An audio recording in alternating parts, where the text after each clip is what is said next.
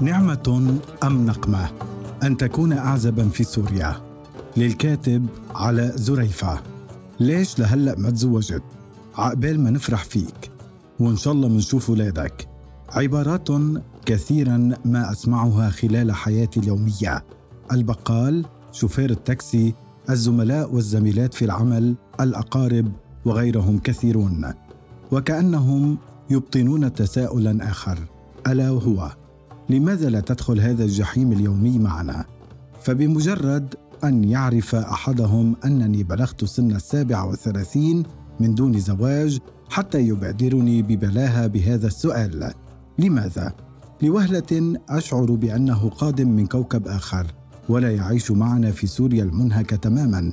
من قبل كنت استفيض شارحا في تعداد الأسباب معللا ذلك مرة بالوضع الاقتصادي الصعب وأخرى بآثار الحرب. كانت هذه حجة سهلة بالنسبة إلي للتملص من الإجابة لئلا أقع في شرك المجادلة العقيمة حول أهمية الزواج وحتمية تكوين أسرة وفقا للعبارة الراسخة عن عدم جدوى الهروب من هذا الالتزام. كلنا كنا نقول هيك وبالآخر وقعنا.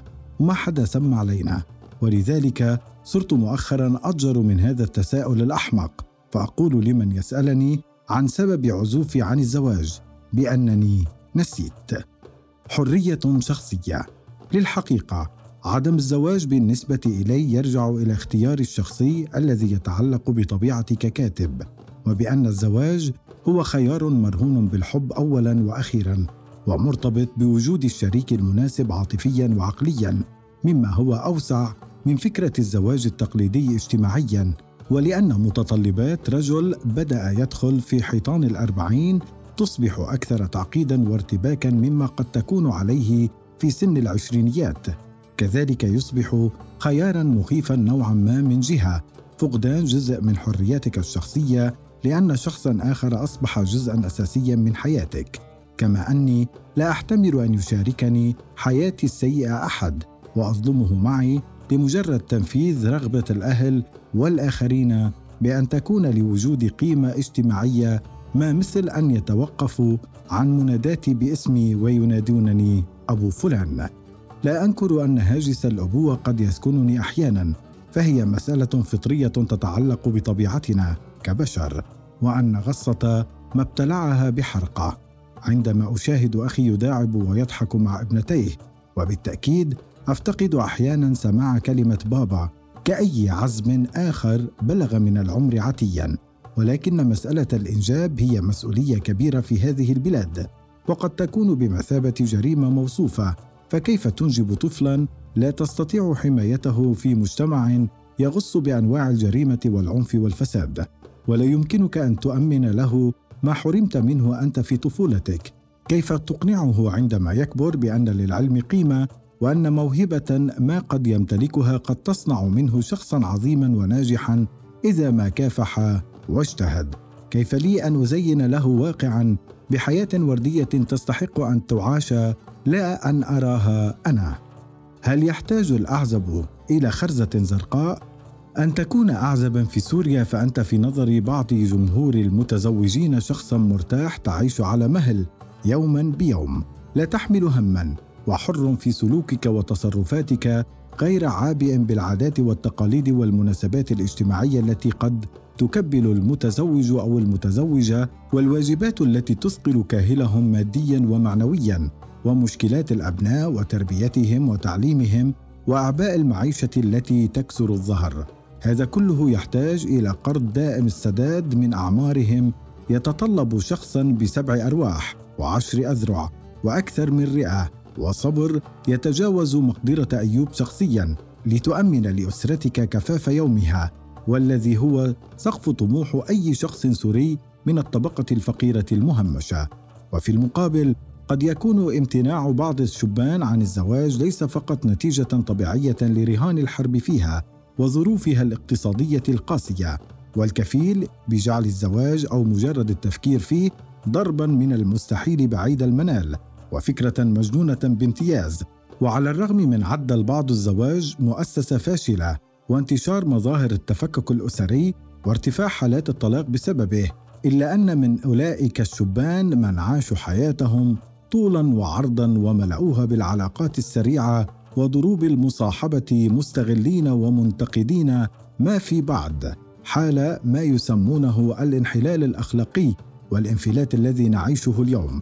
هؤلاء الذين يرون أنفسهم في رحلة مضنية بحثا عن ربيبة الصون والعفاف ويلي ما باس تم إلا أما. تلك الفتاة القنوعه المستورة التي ترضى بالقليل وتحتمل شظف العيش في بيوتهم أو يبحثون مع شرط العفة السابق عن فتاة موظفة للاتكاء على دخلها كمصدر دخل إضافي. صورة نمطية لسيناريو نمطي. غالبا ما ترتبط صورة المتزوج في مجتمعنا بأشياء ومكتسبات هي دائما في خدمة الذكر الحمام الساخن واللقمة الطيبة والفراش الدافئ كجائزة ترضية بعد يوم عمل طويل بينما تكون الزوجة هنا مكملا لمشهد العزوبة المتناهية ذاك لا تبرز فيه أكثر من كونها خادمة أو جارية وتاليا وغالبا أيضا. ما ينظر إلى الأعزب في بلادنا ككائن ناقص اجتماعيا أو مصاب بخلل نفسي أو عاطفي وجنسي فيريح الشاب يده بطلب يد فتاة للزواج وتكوين أسرة ويصبح بذلك كائنا تام الدين موفر الاحترام من قبل الجميع. مما لا يقبل الشك فيه أن الزواج قد يكون سنة الكون أو شرا لا بد منه. هذا الطرح قد يبدو منطقيا في بلاد طبيعية بلاد لا تلهث فيها كحمار الطاحونه سعيا وراء الرغيف بلاد لا يحتل فيها الهاجس الاقتصادي وأزمات المعيشة اليومية وحصار الحاجات الأولى للبهائم التي تخنقك من مأكل ومشرب. وتاليا سيكون ارتفاع نسبة العزوبة بين الشباب والشابات امرا في غاية المنطقية. فغياب الاستقرار المادي والرواتب الهزيلة وارتفاع تكاليف الزواج ذهب وحفلة عرس وجهاز عروس وأثاث منزلي لمن كان محظوظا وامتلك منزلا أو غلاء الإيجارات لمن لا يمتلك هذه الرفاهة. وحلم السفر هو ما يسكن لب أغلب هذه الفئة بحثا عن عمل يؤمن لهم ثروة صغيرة بعد سنوات من الشحشطة والتعتير. ثم العودة لبناء عش الزوجية السعيد. في مقابل هذه السوداوية هناك نقطة مضيئة تسجل لصالح المتزوجين وبعض العزابية السناجل ممن لا يزالون يعيشون في أحضان أمهاتهم كون الأعزب الذي يعيش وحيدا أو مع مجموعة من مكسوري الخاطر من السناجل.